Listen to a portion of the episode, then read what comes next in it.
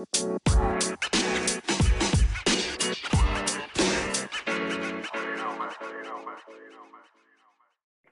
og velkommen til en ny episode av Jordbrukspodden. I dag har vi vært så heldige å fått med oss en ny spennende gjest. Eh, Ole Martin, kan ikke du ta oss og presentere deg sjøl? Si litt om eh, hvem du er, hvor du holder til i verden, og litt om gården din, hvordan produksjonen så vi blir litt kjent med hva du driver med i, i hverdagen. Jo, det kan jeg. Eh, Ole Martin Eikeland heter jeg. Jeg er 42-43 år. 43, jeg. ja. Eh, og jeg bor i Suldal kommune i Rogaland. Eh, det er den nordøstligste kommunen i, i Rogaland.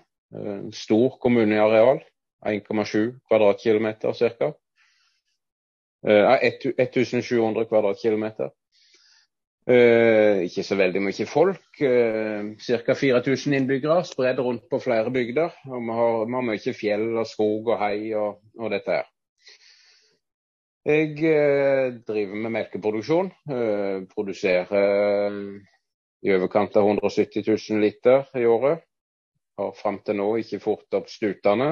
Solgt dem til naboen som livkalv, men eh, akkurat nå driver jeg og bygger om litt, slik at jeg skal få plass til, til stuter. Eh, det kom som en følge av eh, krav om kalvings- og syke binger. Måtte gjøre noe for å få på plass det, og da ja, fikk jeg òg til slik at jeg får, får plass til å fòre opp stutene. Jeg eh, kjøpte gården på åpent marked. Eh, kjøpte av et dødsbo for 19 år siden, nokså nøyaktig. Eh, da var all drift nedlagt her, eh, og et nokså betydelig vedlikeholdsetterslep. Det var gamle folk som hadde drevet her i, i, mange år. Så det var en del å ta tak i. Ja, hva ellers vil du jeg skal si? Jeg eh, har vært, eller er for så vidt fortsatt òg, eh, nokså engasjert i, i både landbruksspørsmål og andre ting som har med det. Har per i dag ingen verv innen landbruket, men har vært lokallagsleder i Bondelaget en god del år. Og, og har sittet i, i fylkesstyret i Rogaland Bondelag og var nestleder der på slutten, før jeg gikk ut av styret der for to år siden. Du sier jo det at du kjøpte gård på det åpne marked. Kommer du fra gård, men ikke var topp i odelshierarkiet, eller hva var bakgrunnen for at du søkte deg inn i landbruket? Hva, hva drev du med, hvilken utdanning har du før du eh, kom inn som gårdbruker? Ja, nei, jeg er oppvokst i et byggefelt med to foreldre som var lærere begge to. Eh, men det er jo ei jordbruksbygd. Hadde flere venner som eh, vokste opp på gård her. og, og faren min var òg fra gård i, i, nabokommunen her.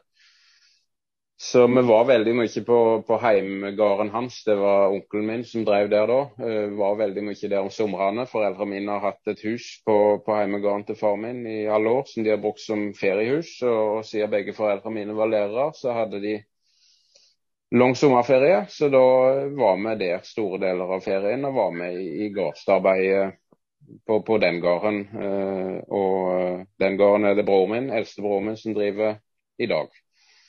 Uh, onkelen min hadde ikke egne unger, så eldstebroren min overtok der. så jeg har nok alltid vært interessert i, i landbruk og, og, fått det med seg. Jeg valgte å gå på jordbruksskolen og jeg gikk på videregående, men tok da den tredje året med studiekompetanse. Og så var jeg fire år i Østerdalen. Eh, på, gikk på Evenstad på Høgskolen i Hedmark eh, da på den tida. Eh, studerte skogbruk og utmarksforvaltning der. veldig interessant tid. likte meg veldig godt både i Østerdalen og, og med fager. Og så nok for meg da, på den tida, en jobb innen enten innen offentlig forvaltning eller mm, naturoppsyn eventuelt innen privat uh, skogforvaltning. Men uh, hadde liksom ikke noen plan om da om å bli heltidsbonde, iallfall. Hadde alltid et ønske om å, om å ha noe jord, og kanskje spesielt skog. Men da mer tenkt som et tillegg til, til en annen jobb. Så etter jeg var ferdig å studere, så fikk jeg en prosjektstilling på et grunneierlag her i, i, kommunen. Det gikk jo mest på innenlandsfiske, da. Jobba med det, og, og, litt som avløser og, og litt som oppdrag for kommunen. Så kom da muligheten. Så modna det seg litt at OK, kanskje heltidsbonde er det rette. Så jeg hoppet nå inn med det, i, i det med begge beina. Og gikk for det. Og hadde jo da, når, når først det valget ble tatt, så var jeg veldig bevisst på at jeg skal jeg drive med dette, med melkeproduksjon og, og slik, så skal jeg være heltidsbonde. Var det sånn at, var det sånn at du kjøpte en gard som ikke hadde som ikke var i produksjon? Du måtte starte på en måte melkeproduksjonen helt på, fra scratch? Var det sånn å forstå? Ja, det stemmer. Når jeg, eh, jeg kjøpte gården her i 2004, flytta inn her 1. mai 2004. Eh, dyra ble solgt eh, sommeren eller høsten før. Eh, han som drev her før meg, han eh, døde i september i, eh, i 2003, onker. han var i fjose helt fram til sommeren 2003, og så var han to måneder på sykehjemmet før han døde. Uh, han uh, drev da melkeproduksjon, men det ble avvikla nokså fort uh, når han havna på sykehjemmen. Og så var det sau òg da. De ble solgt etter at han uh, døde. Så alt Det var ingen dyr her når jeg kjøpte av dødsboet. Og forholdsvis lite maskiner òg, egentlig. ja. Så det var i grunnen Det var en melkekvote på 60 000 liter da jeg kjøpte. Uh, mellom 60 og 70 mål med dyrka, 263 tror jeg, og en 40-50 eh, mål med innmarksbeite. Uh, så en del skog og, og utmark i tillegg. da. Så jeg måtte begynne uh, med å følge opp fjorset. kjøpe inn dyr, stort sett av andre bønder i bygda. Uh, kjøpte òg noe fra nabokommune, en som skulle slutte av. Så der fikk jeg både dyreproduksjon og, og rekrutteringskviger. Uh, så hadde jeg litt slaktegris til å begynne med. Det var et lite, lite grishus som i utgangspunktet var lagt til smågrisproduksjon. Der satte jeg inn litt slaktegris. Eh, hadde i noen år, men det, det, var jo bare 50 griser innsette. Og jeg innså vel nokså fort at uh, det var ikke noe å drive framover med såpass lite. Uh, så det, det, ble melkeproduksjonen som ble satsinga. Hadde òg tenkt jeg skulle begynne med sau når jeg kjøpte, men det òg ble nokså fort lagt vekk. Forholdsvis begrensa arealgrunnlag. Og når jeg da valgte å satse på melkeproduksjon, så eh, var det liksom det som uh, peka seg ut som uh, det jeg skulle drive med av dyr. Altså, du har ikke noe uh, tilgjengelig uh, utmarksbeite som kunne egna seg for sau, f.eks.? Jo, jeg, jeg, har jo det, altså. Jeg, jeg har utmarksbeite som kunne brukes til sau. Eh, nabogården her som jeg har uh, utmarksbeite i lag med, de har jo sau uh, og, og driver med det. Men å begynne opp igjen en, en saueproduksjon, det er klart jeg kunne kjøpt livdyr av naboen og slikt, det kunne jeg. Men å begynne opp igjen det er en jobb, det òg. og det jeg har av både fulldyrka jord og innmarksbeite, det velger jeg heller å prioritere i melkeproduksjonen. Uh, og, og, lander liksom på at jeg, jeg, vil heller velge å prøve å bli god på det. Uh, og ikke spre meg på, på to produksjoner. Har du spredt kalving og leveranse hele året, eller har du konstruert kalving, ja. eller hvordan er opplegget der? Nei, jeg har spredt kalving. Eh, jeg har uh, lite eller omtrent ingen kalvinger fra mai til august. Uh, I år så var jeg vel ferdig i mars faktisk på våren. Det har vært et bevisst valg på at jeg vil ha mest mulig dyr ut. Både dyr i produksjon og, og kviger og kalver og alt sammen. Uh, når jeg er ferdig eh, med, med melkefòring på kalvene nokså tidlig, så kan jeg få alt ut på en grei måte. Uh, og det er òg det er òg litt enklere for å avløse om sommeren og når det kun handler om melking. Hente melkekyr inn og ut på beite og melke de. Eh, det er litt mer eh, hvis du venter kalvinger og alt dette her. Så jeg har litt bevisst valg på det. Jeg har en forholdsvis god topp i kalvingene på etterjulsvinteren, eh, februar-mars. Noe som gjør at jeg ligger nokså høyt i produksjon i beitesesongen. Begynner å dabbe av på slutten av, eh, av, den perioden når, sommermelktillegget er best, men allikevel jeg får en god del av sommermelktillegget og får produsert en god del melk på beite. Har du noe Ja? Ja, så har jeg de siste åra begynt å bruke noe kjønnsseparert sæd. Redex på de beste dyra, og så bruker jeg noe Chevrolet. Jeg har òg brukt noe Y-sæd av det på, på, for å få best mulig sluttkalver. Og som jeg sa, Fram til nå så har de gått til naboen, men uh, det skal jeg jo nå fòre opp sjøl. Og, og mener at det er et rett, rett, valg for meg å ha en tung rase. Jeg satser på et uh, mest mulig intensivt opplegg. Få de raskt, raskt gjennom god vekst og, og best mulig grovfôr. Leie en del areal. Eh, en del nå fra denne sesongen. Eh, to nabobruk jeg leier, så jeg har eh, grei avstand på det eh, for å utnytte det godt. og, og å kjøre treslottsregime. Det har ikke vært så vanlig her, men jeg eh, har landa på at det er rett for min del.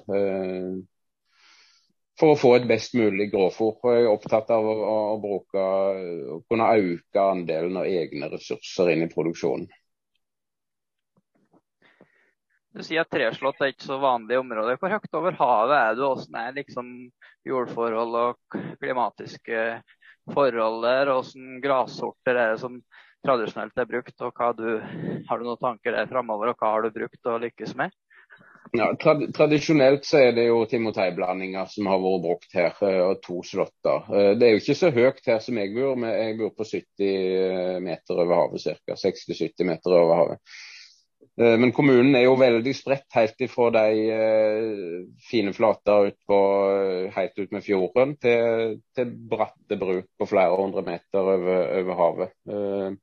Så det, det, er stor variasjon. Vi har en del vinter eh, og en god del nedbør. Men når sommeren først kommer, så har en jo eh, ligger før de ytre deler på, av Rogaland på, på utvikling i, i, varme. Da. Så det, det, det, er litt kortere, men uh, kanskje litt mer intens sesong. Uh, jeg, når jeg sår gjenlegg, så pleier jeg å så pluss 10 blandinger, altså med 10% reigras. Og så etter to-tre år så sår jeg i eh, direkte sår jeg i med, med pluss 100, 100 regrasen. Og har øh, syns det har fungert bra, øh, men det er, det er, jo litt gambling. I, I, vinter så har det røket ut litt for masse av det reigraset. Så det er, det er enkelte enger som ble sådd i fjor, og som kom kjempefint. Som har gått ut en god del av reigraset i vinter. Og det, slik er det bare her. Eh, det må en eh, regne med at skjer av og til. Men jeg mener likevel det er rett å gjøre det, for det, eh, det hever grovfòrkvaliteten såpass mye. Mm. Ja. Men når du sår i engår to og tre, hvordan syns du tilslaget er da? Da har du en ganske tjukk eng og kanskje litt vanskelig å få opp noe mye jord. Føler du at det liksom blir noe bra tilslag da? Det er jo det er jo en viss kostnad med såfrø, og jeg er alltid litt sånn usikker litt når du snakker litt eldre eng, liksom, på om ja, svarer det seg eller ikke. Hvor mye ja, kommer faktisk opp? Det er ikke helt enkelt å regne et nøyaktig tall på om det svarer seg eller ei. Men jeg har landa på at jeg mener at det gjør det. Eh, grunnen til at den er såpass tidlig, er for å ikke ha en altfor etablert eh, torv. på en måte. Den er avhengig av å få jordkontakt på de frøene for å få suksess. Uh, jeg leier inn en med en, egentlig en kornsåmaskin. hadde jeg En Wederstad Rapid. det er jo ingen andre i området som har en slik en. Det har fungert veldig bra. Han skjærer seg ned og får frøa godt nedi. tidligst mulig om våren, så fort det er kjørbart. Og så kjører jeg eh, husdyrgjødsel oppå. Eh, og syns det har gitt et bra tilslag. Men jeg vurderer enga. Vurderer enga om, om, det er åpent nok til det. Altså legger som regel en plan høsten før på hvordan enga ser ut. Og en må ha en plan på. Er det, er det en del ugras i enga, så må en sprøyte det høsten før for å rydde det vekk. For å rydde plass på en måte til, til de nye spirene. Uh, og er det ei tett, god eng av, uh, av den, den sådde gjenlegget, så drøyer jeg et år. Men uh, ser en at enga har rom for det, så legger jeg en plan på at det skal skje våren etterpå, tidligst mulig. Hvor mye sar du i da, kilo per mål? Varierer litt? Ja, det varierer litt eh, rundt om tre kilo. Eh, det er en plass. Såpass, ja. Ja, jeg har gjort det, altså. To i underkant av tre, kanskje. Men oppimot tre kilo har vi sådd i. Mm. Så som du sier, det, det er en kostnad med det. Men jeg mener at en får det igjen både i at en holder mengden avling oppe noe, og så bedrer en kvalitet, heller en kvaliteten på fôret lenger ut i engomløpet. Mm. Ja. Eh, nå begynner jo gresset her på noen stykker å bli litt lengde på. Hvordan er det i området ditt? Når tror du det blir førsteslått i din område. Har du kikka noe på varmesum? Jeg ser det en del som skriver at nå begynner å nærme oss 450 summesteder i landet, der det er virkelig gode forhold. Vi er ikke i nærheten av det her, men eh, hvordan er det i området ditt? Ja, akkurat varmesum har ikke jeg vært flink nok til å begynne å bråke systematisk. Det jeg liksom en ting som har ligget bak i hodet at det skulle jeg ha gjort, men eh, det, det har jeg ikke sikt på. Men uh, går jo og ser poeng og har en formening både ut ifra eh, hvordan våren har vært og hvordan det ser ut på, på hva tid det skal slås. Eh, og eh, i fjor så slo jeg vel det første et par dager ut i juni. Jeg vil anta at det blir litt senere i år. Men hvis en tipper rundt om åttende-tiende, et eller annet der en plass. Mm. Skal, skal, jeg få tre slåtter, så er jeg nødt til å komme i gang med første slåtten tidlig nok eh, for, for, å klare det. Mm. Hvordan eh, høstelinje er det her? Sil og rumbel? Driver du på sjøl, leier du, eller hvordan er opplegget ja. der? Det har, eh, som jeg sa, så holder jeg på å lage til en avdeling til, til stuter og, og, få på plass kalvings- og sykebinger. Det er en uh, tidligere plansilo som jeg bygger om uh, nå. Jeg har lagt inn plansilo uh, med lessevogn som jeg har lagt inn sjøl. og så har jeg balla det som ikke får plass i siloen. Men nå blir den siloen bygd om. Uh, hadde et uh, nokså stort ønske om å bygge nye siloer. Uh, helst da tårnsiloer. For det at jeg Min drift er lagt opp til at det skal være jobb for meg, og jeg skal klare det aller meste alene. Derfor så, så jeg det som mest rasjonelt med tårnsiloer med, med fylltømmer. Men jeg gikk mange runder på det, både på seks meter diameter og åtte meter. Men det ble for dyrt. Jeg eh, klarte ikke å finne økonomi i det eh, per i dag. Eh, så i alle fall i år og noen år framover så blir det bare rundballer. Jeg har ikke lagt vekk silo permanent og har jo òg kikka litt på plansiloer. Men det er iallfall satt litt på vent. Så det er endring på det nå, da. At fra i år av så blir det bare rundballer. Og hovedsakelig innleid. Jeg, jeg, har en entreprenør i, i bygda som jeg eh, har leid til, til rundballing før òg, og kommer til å gjøre det nå. Jeg har kjøpt meg en sprayrive, eh, så det kommer jeg til å kjøre sjøl. Eh, vil ha best mulig tork og få bra med fôr inn i, i ballene. Så akkurat den kjører jeg sjøl, men i, i sommer iallfall så er det bare bare sprayriver og sammenkjøring av baller jeg kommer til å gjøre sjøl med, med høstinga kanskje litt muligheter for litt fritid i sommer, da. Har du noe avløserring? Du sier at du liker å ordne det mest sjøl, men er du med i noe etablert avløsing, eller har du noen ungdommer i helger, eller arbeider du hver helg, ja, eller hvordan gjør du det?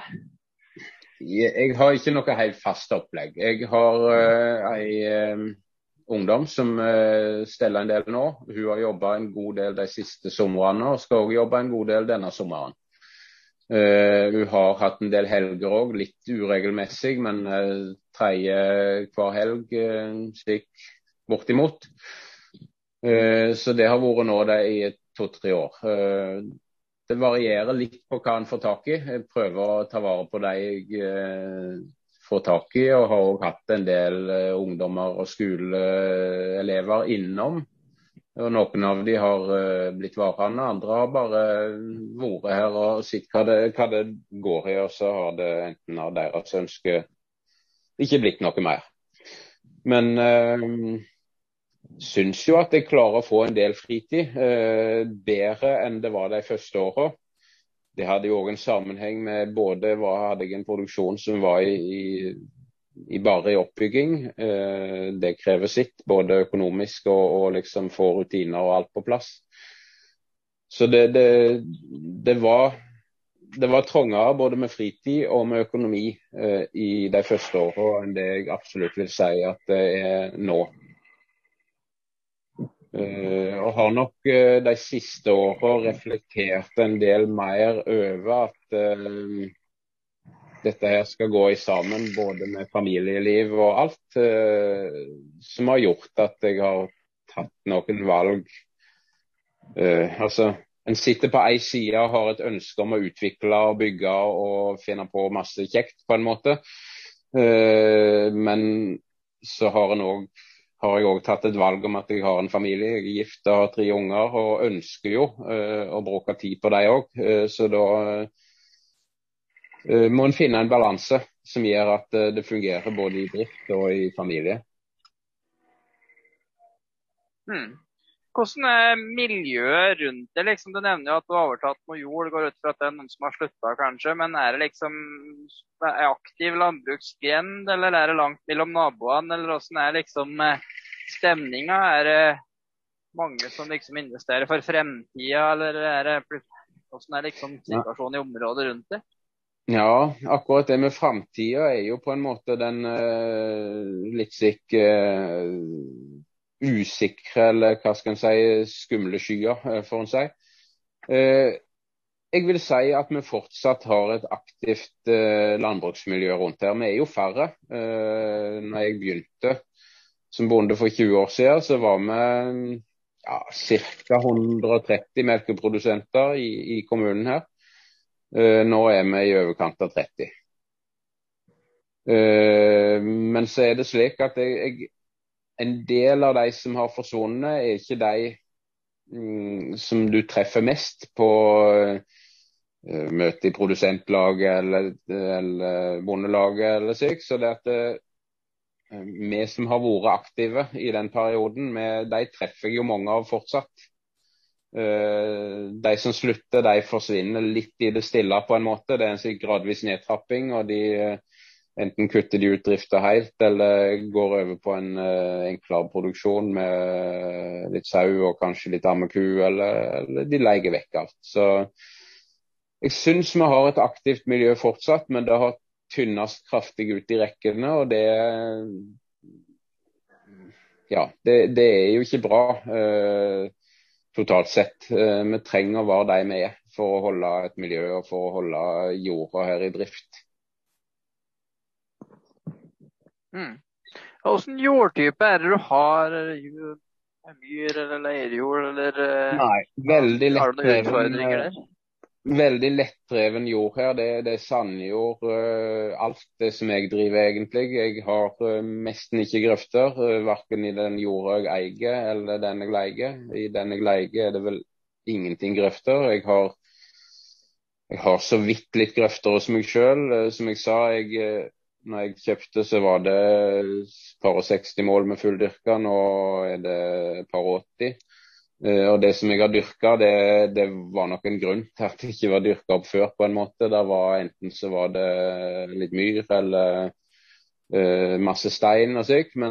Så det har vært tung dyrking, men uh, jeg har nå gjort det, da. Uh, og syns jeg har fått det òg bra.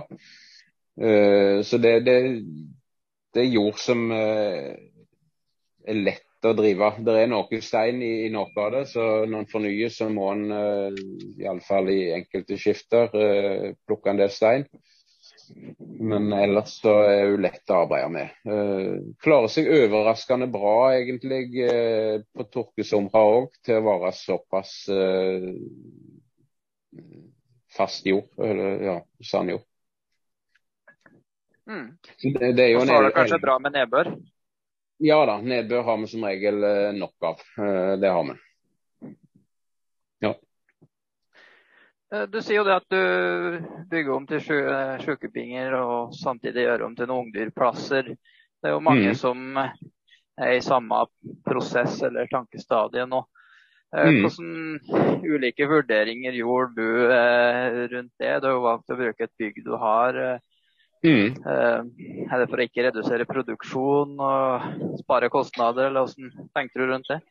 Ja, jeg uh, gikk mange runder med meg sjøl på hvordan jeg skulle gjøre det med, med sykebinger. Jeg uh, har et fjos som i utgangspunktet er fra 1970. det var bygd da med, med 14 kuplasser og to fullspaltebinger til ungdyr. Og så var det et uh, smågrishus, som jeg sa, som jeg hadde litt slaktegris i en stund. Og så var det uh, en avdeling til sau, og så denne plansiloen midt i. Nokså spesielt bygg, egentlig. Lågbygg. Uh, med ei kurekke på, på østsida, og så plansiloen midt i hele bygget. Og så hadde du smågris og sau på vestsida av bygget.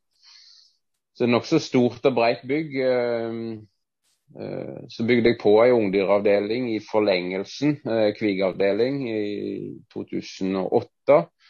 Eh, binger der med, med liggebåser til alle dyra der. Så bygde jeg om sauehus og grishus til kalveavdeling, og med, med liggeplass, tett gulv med liggeplass. Og de to fullspaltebingene i melkefjoset, der lagde jeg seks båser til. Så jeg har 20 melkebåser. Um, og hadde, som jeg sa, likte egentlig å ha silo, uh, men uh, så lagde jeg litt tegninger på et lite påbygg til, til kalvings- og sjukebinger. Ble liksom ikke helt fornøyd med det. Uh, ble litt tungvint og, og litt sikk knote. Og ender på at jeg tar siloen. Da får jeg alle dyra, både okser og kalvings- og sjukebinger, inn på samme fòrbrett. For den kurekka den sto jo da med fòrbrett mot veggen, og på andre sida av veggen hadde du plansiloen. Så da åpner jeg veggen og får uh, brukt det samme fòrbrettet med, med, dyr på begge sider i hele lengden. Uh, og I samme omgang som jeg fikk tegnet dette, her, uh, så er det tegnet et påbygg uh, på østsida av dagens kuavdeling da, med påbygg med løsdrift til, til melkekyr. Jeg var opptatt av at jeg måtte ha en plan på hvordan jeg gjorde dette, at en kunne gå videre i neste trinn.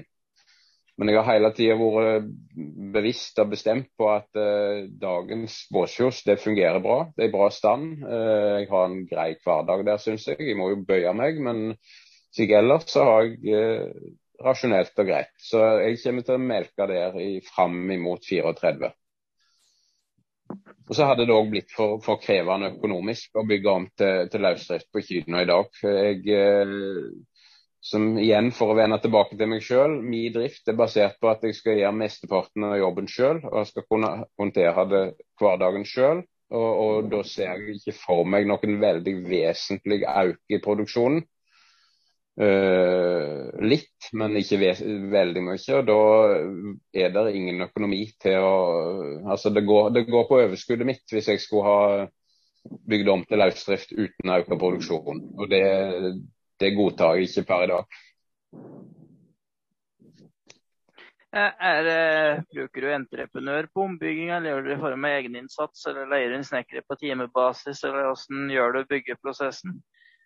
Jeg leier inn på timebasis. Jeg, akkurat nå har jeg uh, litt betongfolk, og de gjør det aller meste innleie. Det er lite jeg er borti det. Jeg kjører og henter litt materiell for de, og er med på litt opprydning og slikt noe.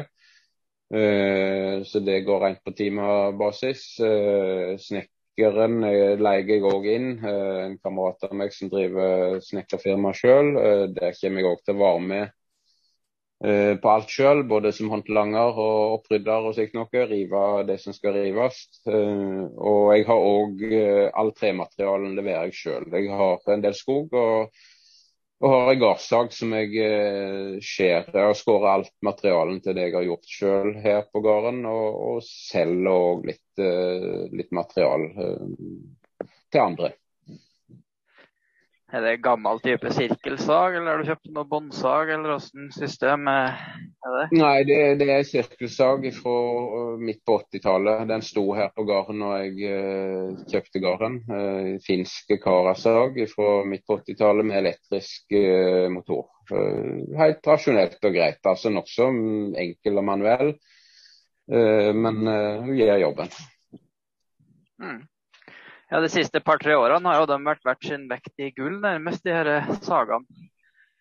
Ja, jeg, jeg syns, eh, som jeg sa innledningsvis, det er stort vedlikeholdsetterslep her. Både på våningshus og driftsbygninger og alt. Så jeg har gjort en god del reparasjoner og, og oppfiksinger, og, og, bygd noe. Og det har vært ja, som jeg sa, jeg har studert skog og jeg har alltid interessert meg for det. Og liker å kunne gå og plukke Gjøre litt av de gamle vurderingene da, på tømmerkvalitet og velge det, det, treet du vil ha og skjære det som du vil ha det. Eh, det, det er slik som eh, Ja, jeg får en, en materialkvalitet jeg vil ha, og så er det litt slik eh, Jeg syns det er interessant å, prøve å sette seg inn en del i de vurderingene de gjorde før på det med materialkvalitet.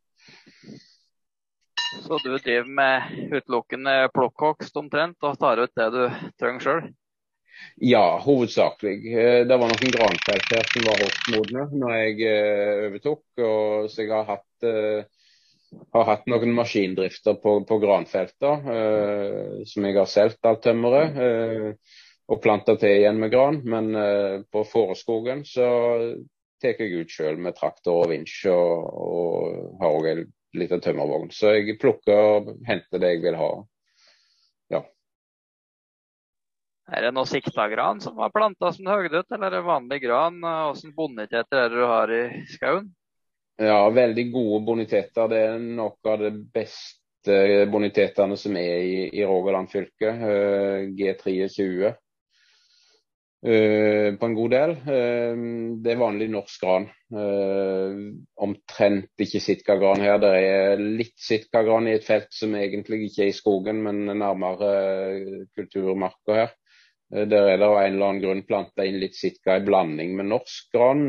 Hvorfor det er gjort, det vet jeg ikke helt. Det var en planteskuledrift rett i nærheten her tidligere, så det kan ha noe med det at de skulle teste ut litt forskjellig. Men uh, i skogen her så er det bare, bare vanlig norsk gran. Uh, veldig god kvalitet, uh, høyt skurutbytte og veldig fint tømmer. Når du snakker G23, jeg har ikke i nærheten av sånn bonitet. Hvilken omløpshastighet er vi nede på ned i 60 år nesten, da? eller? Ja, 60 er litt snaut. Da er du for tidlig ute, uh, stort sett. Uh, det som jeg har hogd, det er hogd på i overkant av 70 år. Uh, ja. Mm. Hvordan skurutbytte er det oppe i 70-80% eller når du sier bra, hva, hva er bra, skulle jeg til å si? Ja, du er godt opp på 80, altså. Det er du. flere 80 òg. Da blir det litt butikk i, i skogen òg. Ja, og for min del så var det var viktige for meg egentlig i starten. Den første drifta den hadde jeg allerede første høsten etter jeg kjøpte. Eh, og det var det var kall det en god følelse å kunne få inn litt eh, friske midler til å kjøpe dyr for uten å måtte gå i banken og låne alt. Mm. Ja, det er mang en skog som har berga mye fjøsbygginger eh, landet rundt. Og det har vært handla mye traktorer på 70-80-tallet fra skogsdrift. Det er ingen tvil om. Ja, ja. Du er litt interessert i den vurderinga du gjorde eh, ved å velge å fortsette med båsfjøsa. så gjør den en del én-utbygginga, som du uansett vil ha glede av, eventuelt neste trinn. Eh, mm. Fordi Nå ser vi jo en del det her innlandsfjøset og diverse sånne guruer som sier de skal bygge, eh, bygge til løsdrift nå, og så skal de gjøre det i mange trinn. Melkestall, så robot, så fòrsentral og etappevis. Mm. Og du skal mm. liksom melke på bås, men de skal gå i løsdrift. Og så leser vi jo da om disse her prosjektene at de kanskje har tatt opp lån på 3-5-6 millioner. Ikke noe vesentlig større produksjon. Og sånn som jeg tolker det, så har de like mye arbeid med å jage kyrne over i en melkestall eller på noe gammelt båsfjøs eller i fangek eller et annet slags system. Og Da stiller vi ofte spørsmålet hva i alle dager er vitsen? Du får jo kun én fordel, det er at kua får gå fritt. Det er jo fint og bra, det. Men for bonden sin del så blir jo mer gjeld eh, like mye arbeid, kanskje mer. Hva er da poenget? Eh, litt sånne refleksjoner du gjorde, eller? Jeg er helt, helt, enig i de refleksjonene. og Det er derfor jeg sier at jeg eh, jeg har en helt OK arbeidshverdag i Båtsfjordet. Jeg må bøye meg, det er et minus. Eh, men eh, jeg har vært eh, gått mange runder i mine egne tanker, men jeg lander alltid ned på at skal jeg ha løsdrift, så skal jeg ha robot. For det at jeg vil òg at det, den investeringen skal komme hverdagen min til gode. Som du sier òg, altså du kan oppnå alle mulige rare Eh, løsninger eh, som for så vidt tilfredsstiller kravet til at dyra skal gå i løsdrift. Eh, og det kan funke helt greit for dyra. Det er ikke sikkert de er misfornøyd med å måtte gå fram og tilbake mellom en bås og bli melka. Men eh, hverdagen min ville jo ha blitt tyngre. Eh, og da er det ikke akseptabelt for min del. Eh, hvis jeg skal gjøre investering, så må jeg gjøre uh, vurderinger på økonomien i det. Og jeg må gjøre vurderinger på hva konsekvenser får det for min arbeidshverdag. Og jeg, altså, En investering kan være for billig òg, hvis den medfører en masse ekstra arbeid. Uh, da, altså Arbeid har òg en, en, pris eller en verdi, uh, og den må du jo ta med i, i, i hele kabalen. Mm. Uh, slik at uh, Jeg var opptatt av at det jeg gjorde nå skulle kunne være brukbart senere. Det var dumt å gjøre noe nå som du måtte skrote om åtte-ti år. Men uh, det, det, skal altså Kalvings- og sykebingene gir ikke en direkte avkastning. Det er en konsekvens av et krav. Å fòre opp slutene det vil gi en rimelig grei ekstrainntekt som betaler eh, i stor grad den investeringa som skjer nå. Mm. Er det et litt tips du vil gi til litt yngre bønder? Altså, det, du nevner jo litt det, men kan få litt skylapper. Og så er det så interessant det her å bygge og utvide og alt mulig rart, som er veldig artig da, når du er ung og frisk. Um, tenker du at en kan få litt skylapper? At en ser liksom bare sin egen gårdshverdag, og så glemmer en litt at det skal være et liv litt utenom, og så blir en litt eldre, og så jeg opplever den kanskje litt. Ja, det er iallfall noe vi var bevisst på. Eh, en må være bevisst på at uh, de valgene en tar, har konsekvenser som du må leve med i flere år.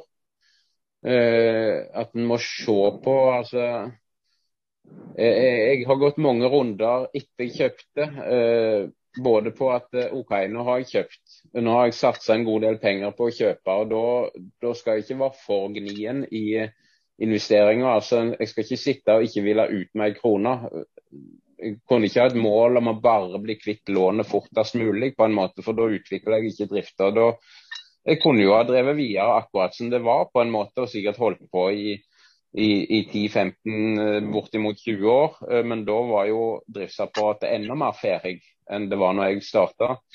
Så jeg måtte ha en plan på ei en viss utvikling og en oppgradering av driftsapparat. Men samtidig så, så skulle en ikke gape høyere enn at en klarte å at en får en hverdag som sviver. Uh, og en må ikke glemme den hverdagen. altså. Det er helt greit uh, å være 25 som jeg var når jeg kjøpte, og, og godta lange arbeidsdager. Det, altså, En må finne glede i arbeidet. Det blir tungt hvis en ikke finner gleden i arbeidet. Så, så, det må en, men en må òg se at uh, det kommer andre dager der en òg må prioritere annerledes. Mm. Du nevner jo at fjøset ditt er fra 1970, og det regner med gjødselkjelleren er fra det òg. Har du gjort noen undersøkelser der? Er det ribodekk, eller er det skikkelig gjort? Det hvordan er stolper og dekke? og ja, du det vil vare liksom i god tid? Uh, I melkefjøset der uh, hadde jeg rehabilitering av dragerne da når jeg bygde om uh, de to fullspattebingene til, til båser. Uh, det var en del uh, oppsprekking og korrosjon i, i jernet da. Uh, hadde fagfolk med og vurderte det. Og, og, gjorde en del tiltak for å, å hva skal jeg si, forlenge levetida. Det er jo ikke full, det, det, det, er ikke nytt på en måte, men det ble gjort en del tiltak for å, å forlenge det. Slik at uh, den delen som er over, eller under melkekyna, den skal holdes i levetid i den tida jeg driver med, med på bås. Men uh, skal det være en del av et framtidig løsdriftsfjos, så må jeg nok ut med hele dekket og, og gjøre ting på nytt. ja. Mm, mm. Uh, hva tenker du uh, Tenker du liksom om ja, Vi så jo på du har sett det, men i går så, så vi jo på Sandra i Stortinget som svarte KrF på hvor det ble en opptrappingsplanen. Og så var Fylkesnes oppe og spurte, og Trund spurte tre ganger. Kommer den i år? Det vil jeg ikke svare på. Jeg skal ikke spørre hva du stemmer på, men mange bønder stemmer jo Senterpartiet, og det har jeg gjort sjøl òg i mange år. og Hva føler du liksom? Og er du fornøyd ja, med det regjeringa har levert så langt, eller eh, er du litt som oss at du begynner å bli litt bekymra for den Hurdalsplattformen? Um, hva skal jeg si? En, en, en kjenner jo politikersnakk. Uh, og snakk er jo én ting. Uh, det er én ting å stå og love noe når du gjør det bare muntlig. Uh, så er det helt rett som du sier at det, det er jo ganske mye konkret i Hurdalsplattformen.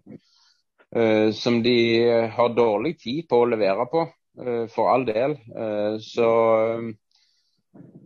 jeg skulle gjerne sett en sterkere framgang fortere. det skulle jeg. Uh, og akkurat det som du refererer til der, uh, de spørsmålene til Sandra, det har ikke jeg vært inne og sett på. Så jeg har ikke sett konkret akkurat det.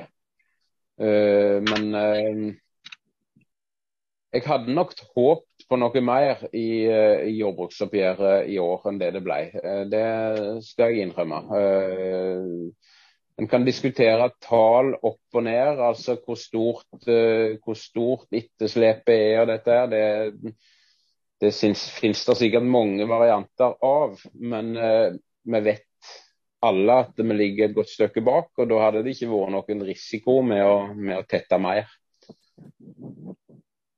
Nei. Eh, Regjeringa har jo også et mål om 50% selvforsyning.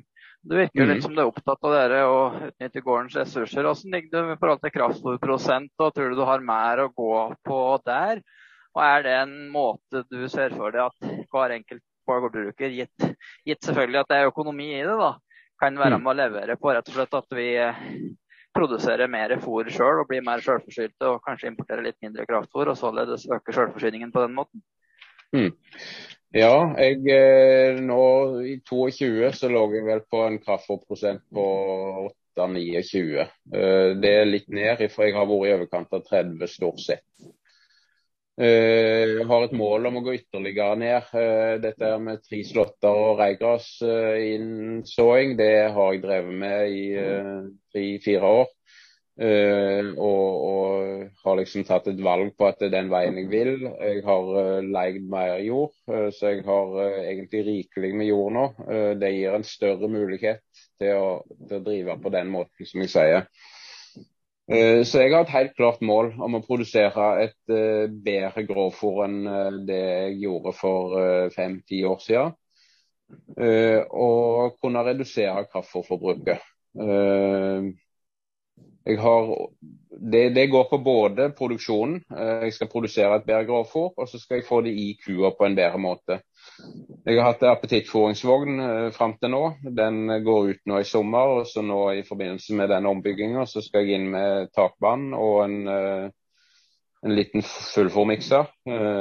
Så jeg da kan blande forskjellige slåtter og, og få et bedre oppkutta fôr og klare å få dyra til å ete mer. Så jeg jeg mener absolutt at å produsere et bedre gress er den, den, veien en må gå for å få eh, en høyere egen fôrproduksjon. Hmm. Ser du for deg å kjøre kraftfôr i miksen, eller ha kraftfôrtelling manuelt, eller åssen?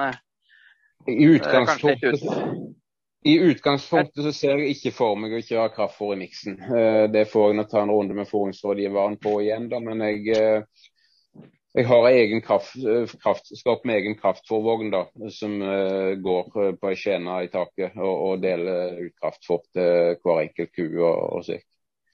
Mm. Så det, det, er først og fremst for å få blanda ulike slåtter og for å få kutta fôret enda bedre opp for å få mest mulig fôr i, i dyra. Mm.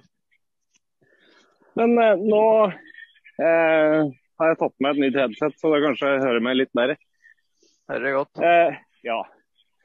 Hva tenker du For nå skal du bygge om sånn at du på en måte tilfredsstiller eh, de kravene i 24 med kalvingsbinge osv. Men hva mm. tenker du må til for at du skal kunne eh, bygge eh, på, eller det er vel bygge på du har planer om, da, ettersom du på en måte hadde eh, liksom sett for deg det. Mm, hva skal til for at du kan bygge på eh, innen 2034? Eh, hva tenker du må til? Er det ja. mjølkepris, eller er det mer tilskudd? Eller er det eh, tilskudd til eh, altså eh, investeringstilskudd til bygging, eller hva tenker du rundt det? Eh, ja takk til alt, får en si da. Det har jeg tenkt ganske mye på. Og jeg har noen forholdsvis klare formeninger om det. Ehm, og, og det, det, må være en miks av det. Eh, jeg begynner med investeringstilskuddet, eh, for å ta det først. Jeg mener at investeringstilskuddet er helt avgjørende for at en skal kunne drive eh, landbrukspolitikk, altså og, og, og, styre hvor produksjonen skal være, og at en skal ha det spredd utover, og hvor store enheter en skal ha det på. Så Investeringstilskudd må det være, og nå ble jo det heva noe i, i jordbruksoppgjøret nå. Eh, kanskje må det enda noe mer opp, men eh, det ble heva en del. Og, og det syns jeg er bra. Og det må brukes bevisst fra myndighetenes side til å styre hvor, hvor store enheter en skal ha, og at en får spredd det utover. Men det må ligge en økonomi i bånn. Eh, det må være en økonomi som gjør at en har eh, god økonomi i drifta, og som òg kan betale noe av investeringa. Men skal, skal en ha hele investeringer på den løpende driftsøkonomien, så har de iallfall i mitt hode Dere kan gjerne si etterpå hvis dere er uenige, men i mitt hode så har det blitt slik at hvis, hvis vi gjør økonomien god nok til at det som en kan kalle for små bruk, eller òg mellomstore bruk, klarer en investering i et nytt eller en ombygging til et løsdriftsfjos, hvis de klarer hele den investeringa på driftsøkonomien sin, så i mitt hode så er det da enda bedre økonomi i å, å bygge større. Uh, og det vil være strukturdrivende i seg sjøl, tenker jeg. Uh, derfor er jeg opptatt av at uh, investeringstilskuddet må være en del av miksen. Når det gjelder økonomi i løpende drift, så ser jeg ingen vei utenom at vi må få heva prisen på det vi produserer. Uh, en ser litt tendenser på, på, det i år, både i kravet og i det som ble tilbud og avtale. I kravet til Bondelaget så var det inne at en òg skulle ha distriktstilskudd på melk i, i, det som en kaller for nullsoner, eller da det gjærområdet. For det at det var den muligheten Bondelaget så til å heve økonomien i melkeproduksjonen der òg. Og det er jo for så vidt greit nok. altså En krone er en krone, eller ti øre er ti øre, samme hvor de kommer ifra. Så, så det hadde jo bedra økonomien til jærbonden. Og det trengs. Uh, men jeg tror at vi må få melkeprisen opp uh, for å, å, danne en basis. Og så må tilskuddet brukes uh, først og fremst for å og, og styre på ulikheter i, i, hvor tungt det er å drive, og distriktspolitiske virkemidler. ja. Jeg tror jeg stopper ja, var... denne omgangen, så får dere komme med innspill eller spørsmål eller kritikk eller hva dere vil. Dette tror jeg var musikk i våre, våre ører, og der er vi helt grunnleggende enige til det med hvordan de skal utvikle landbrukspolitikken.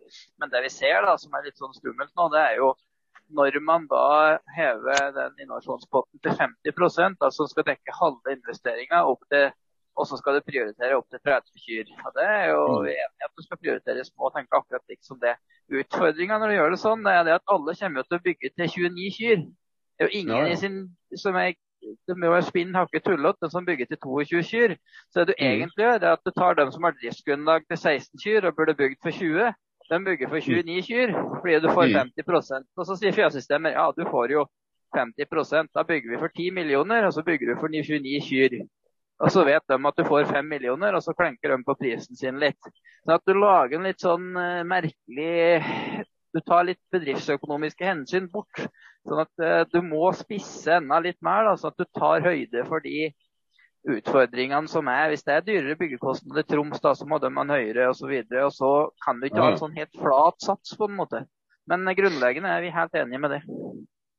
Uh, ja, nei, jeg, jeg, ser poenget ditt. Og så er det slik med alle uh, regelverk eller offentlige føringer eller tilskudd for den del. At eh, du, du, prøver å få til noe som skal bli bra, og så er det alltid noen bakdeler. Som, og alle bakdelene klarer en ikke å unngå helt. Eh, en skal prøve å gjøre det best mulig, men noen eh, bakdeler blir det alltid. Eh, og så skal ikke det være et hinder for å gjøre noe som kan bli bra. Hmm. Nei, men så, det, var, nei, det er jo greit at vi kan være enige om noe, iallfall. Eh, akkurat på det med produktpriser, eh, den tenker jeg at det er jo litt utfordrende. Eh, enkelte ganger så blir det, det å heve melkeprisen f.eks. framstilt som litt enklere enn jeg i mitt hode tenker at det er. Eh, det er ganske mye politisk arbeid som må gjøres, tenker jeg da, for å få til det.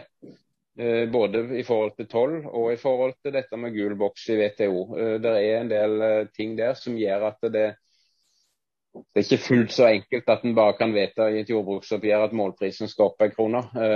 Det, det, er liksom ikke helt der bøygen er. Ja, hva tenker du på med gul boks og WTO, at den fyller seg opp nå? Er det det du tenker på? Ja, ja. Men uh, der er jo sånn at uh, det er egentlig ganske enkelt. da, For den kan du overkjøre og fylle opp i ett år, så lenge du har en plan for neste år. Og Det er jo bare å ta enten mjølk eller korn ut, da, så har den jo løst det. Men du tenker at det er utfordrende å ta dem ut? Uh, at du helst ikke vil gjøre det? nå kommer vi inn på et punkt som er litt sikkert at jeg våger ikke være veldig bastant. For jeg har ikke oversikt over alle konsekvenser av hva som ville skje hvis en tar melk eller korn ut av gul boks. Eh, så der, eh, jeg, jeg, våger ikke å si at jeg mener at det er rett å ta eh, melk ut av gul boks, at det ikke har noen negative konsekvenser. Det, ja, det, det, blir Jeg må vite mer om det før jeg kan si at det er rett. Mm. Men hvis vi hadde sett bort ifra den problematikken der, at det hadde vært løst Dette var jo ting vi visste i fjor.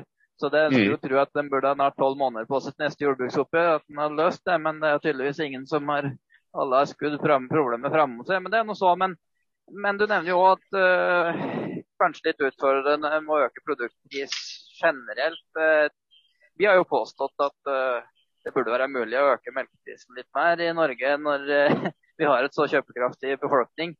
Tenker ja. du at det er utfordringer med volum, eller eh, ser du også at det er muligheter for å øke prisene uten at volumet detter i bånn? Eh, nummer én. Jeg mener at det der absolutt må ha rom for at bonden skal få mer. Eh, hvordan, hvordan, eh, produktprisen eh, blir i butikk, det får være en annen sak. For det, det er mange, mange, faktorer inne der som gjør at det, det, det er ikke en direkte avheng Eller om du hever melkeprisen til bonde, så er det mange faktorer inni mjølla som avgjør hva den blir i butikk. Så Hvis vi ser vekk fra butikkprisen og bare tenker på melkepris til bonde, og så får kjøpmannen og grossisten og slik leve litt sitt eget liv. Uh, melkeprisen til bonde den må en heve for å få økonomi, og det bør det være rom for òg. Økonomien i Norge, er, altså kjøpekraften i Norge er så høy, og andelen av folk sine disponible midler som går til mat, er så lav at uh, her, her, må det kunne gjøres noe. Helt klart.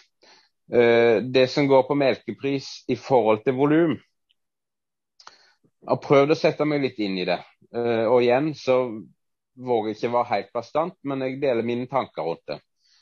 Hvis, en, hvis det skjer at volumet går ned, og da sier jeg hvis, så vil jo det medføre at uh, Tine, da, som er den som har mer risbredd utover alt, får en del faste kostnader som skal fordeles på et lavere volum.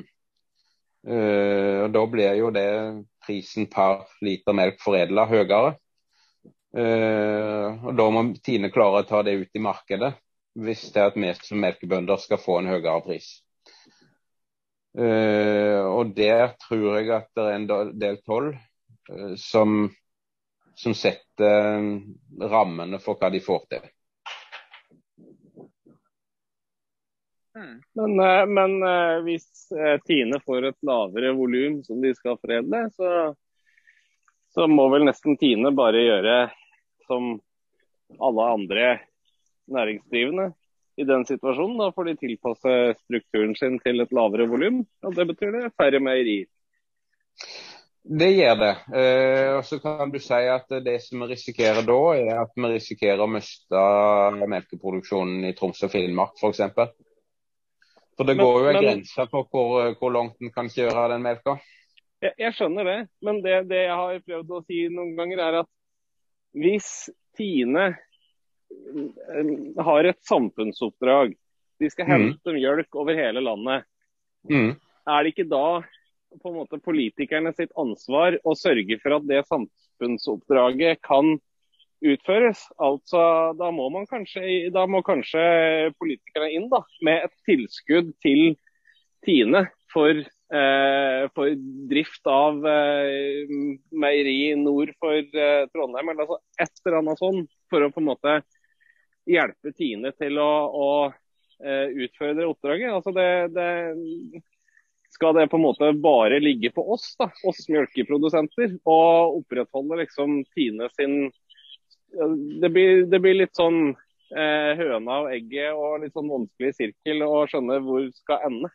Hvis mm. vi på en måte ikke kan heve prisen, for da går volumet ned. Og hvis volumet går ned, så kan ikke Tine hente mjølk over hele landet. og så, altså, det, mm. Jeg ser poenget ditt er at en havner inn i en vond spiral på en måte som hvor stopper han henne. Det, det poenget ser jeg. Og det kan godt hende at det burde ha vært noe støtte eller kjøp av tjenester fra staten på en måte at en skal opprettholde meierier der. Det, det, kan godt være, men det handler faktisk ikke bare om Troms og Finnmark. Det handler like mye om meg, på en måte. altså det det er klart at Mimelk nå den havner stort sett på Tine på Kviamarka på Jæren. Uh, og det er jo noen timer kjøretur herifra og dette. Uh, det hadde vel vært fullt mulig kanskje å produsere den melka i, i nærmere uh, enn en her. Men uh, sikkert ressursmessig bruk så ville det være feil i, i mitt hode. Altså, poenget mitt ja, er at var, hvis... Ja da, det var ikke, det var ikke meninga å bare skille ut liksom, uh, Nordland, Troms og Finnmark. Det var mer, mer prinsippet. på en måte. Er det, er det norske mjølkeprodusenter sin uh, lave mjølkepris som skal, som skal, på en måte finansiere at Tine har nok anlegg rundt omkring? Det var vel et litt mer poengtert spørsmål, da. Ja, jeg, jeg tror jeg forstår spørsmålet, eller poenget med det. Uh, mitt svar var jo bl.a. at jeg, uh, jeg, tror at en forutsetning for å kunne heve melkeprisen og òg regne med å holde oppe volumet, er at det må gjøres grep på toll. Uh, en må kunne beskytte et eget marked. Jeg har ikke vondt av å beskytte et eget marked. altså vi har norske priser både på elektriker og snekker. på en måte. Hvis jeg kunne leid en elektriker fra Øst-Europa til østeuropeiske priser, så hadde jo jobben jeg, altså Da hadde mine byggeprosjekt blitt betydelig billigere. Uh, så jeg, jeg, har liksom ikke vondt av å si at uh, Ja, men jeg, jeg kjøper håndverkere til norsk pris, og de får norsk lønn. Uh, da skal òg de produkter som jeg produserer ha en norsk pris. Uh, og Uh, altså Regelverket gjør jo at jeg ikke bare kan bestille en uh, elektriker fra hvor som helst. Det er krav til sertifiseringer og slik som gjør at han må inn i det norske systemet. Uh, da kan det òg være et regelverk som gjør at norsk produksjon av melk er beskytta i forhold til de som produserer den billigere, fordi at de produserer på helt andre vilkår. Ja, der, der er vi 100 enig. Eh, det er mm. bare at eh, jeg og Ola, og kanskje Anders òg, som er den eh, tredje programlederen som ikke er med her i dag. Men altså, vi mener jo bare det at hvis, hvis eh, tollendringer må til for å oppfylle jordbrukspolitikken, så skal mm. politikere levere på tollendring. Det, det, er ikke noe vi skal forhandle oss fram til. eller det er, altså, skal, Hvis det trengs, eh, så må de bare få det på plass. Det er liksom ikke noe Det er ikke noe det er, det, er ikke, det er, ikke, et spørsmål som, det, som, har flere svar. Det er bare når, når kan dere endre det, da, eh, tenker jeg. Eh, så, og, men, men eh, gitt, gitt tollandringer òg, så virker det jo på meg noen ganger som at Tine mener at den eh, prisen er så vanvittig sensitiv at eh, du kan liksom ikke heve prisen eh, på noe tidspunkt. Men eh, det, da, det, er min litt sånn eh, negative holdning akkurat nå, da. Eh, bare så det er sagt. Det ble, ja, ja. En, det ble ikke noe spørsmål, det ble egentlig bare en uttalelse der, da. Ja, nei, du kan kommentere på Jeg har jo forstått at du eh, Jeg har jo lest en del innlegg som du har, og jeg har forstått eh, det. Jeg Hva skal jeg si? Jeg jeg stoler for så vidt på Tine sine vurderinger, men eh, en skal ikke godta alt slik helt uten videre. Altså, en, en, skal ikke Det som jeg har etterspurt og tillitsvalgt hos Tine noen ganger, er at for, slik som f.eks. nå, så foreslo Tine 33 øre i økt målpris. Eh, det jeg har etterspurt, er at OK, de kan si at uh, 33 øre er det vi mener at det er rom for innenfor dagens uh, tollregime og alt dette her. Men de kunne òg ha sagt hva hva mener vi at melkebonden trenger, på en måte. De, de kunne ha sagt at uh, det trengs ei krone, eller hva en ville sagt. og Det forutsetter at dere endrer noe på, på tollen for at det skal gå. Veldig enig i det. Det syns jeg er et godt poeng og litt gode avsluttende ord på tampen her. Hvis det ikke er noe annet du har lyst til å si eller få fram. Og så har jeg litt lyst til å utfordre på kanskje vi kunne tatt en nyinnspilling til utpå vinteren i 24 og høre litt hvordan det går når du har fått inn fullfòrblander. Kanskje du har kommet litt ned i kraftprosent og eh, enda mer blid og fornøyd skulle til å si enn det i dag, hvis det er mulig. Ja da, det, det, er fullt mulig og, og, og, slik. Det kan jeg gjerne være med på. Uh, så er jeg opptatt av at uh, vi må kunne våge å dele uh, tall og, og slik òg. Altså, det, det har, det har, blitt litt mer eh, prat om det de siste åra eller åra, at en, en deler tallene sine i produksjonen. Og Jeg har delt mine tall noe i, både i, i bedre gardsdrift og, og prater med andre om de, og det, det, er jo ikke farlig å vise hva en klarer å oppnå. Uh, og jeg tenker at det må vi gjøre mer av. Uh, både for å stimulere hverandre, og for å vise hva som er realiteten. på en måte. Vi kan lære av hverandre underveis, og så kan vi òg se uh, hva som er bra og hva som er dårlig. Uh, ja. Absolutt, det er en god oppfordring. Da sier vi tusen hjertelig takk for at du eh, var med oss i dag, og lykke til videre med Slåtton og ombygging. Og så tar vi en oppfølgingsprat vinteren 24 en gang og hører litt åssen det gikk. Helt greit. Hei, hei.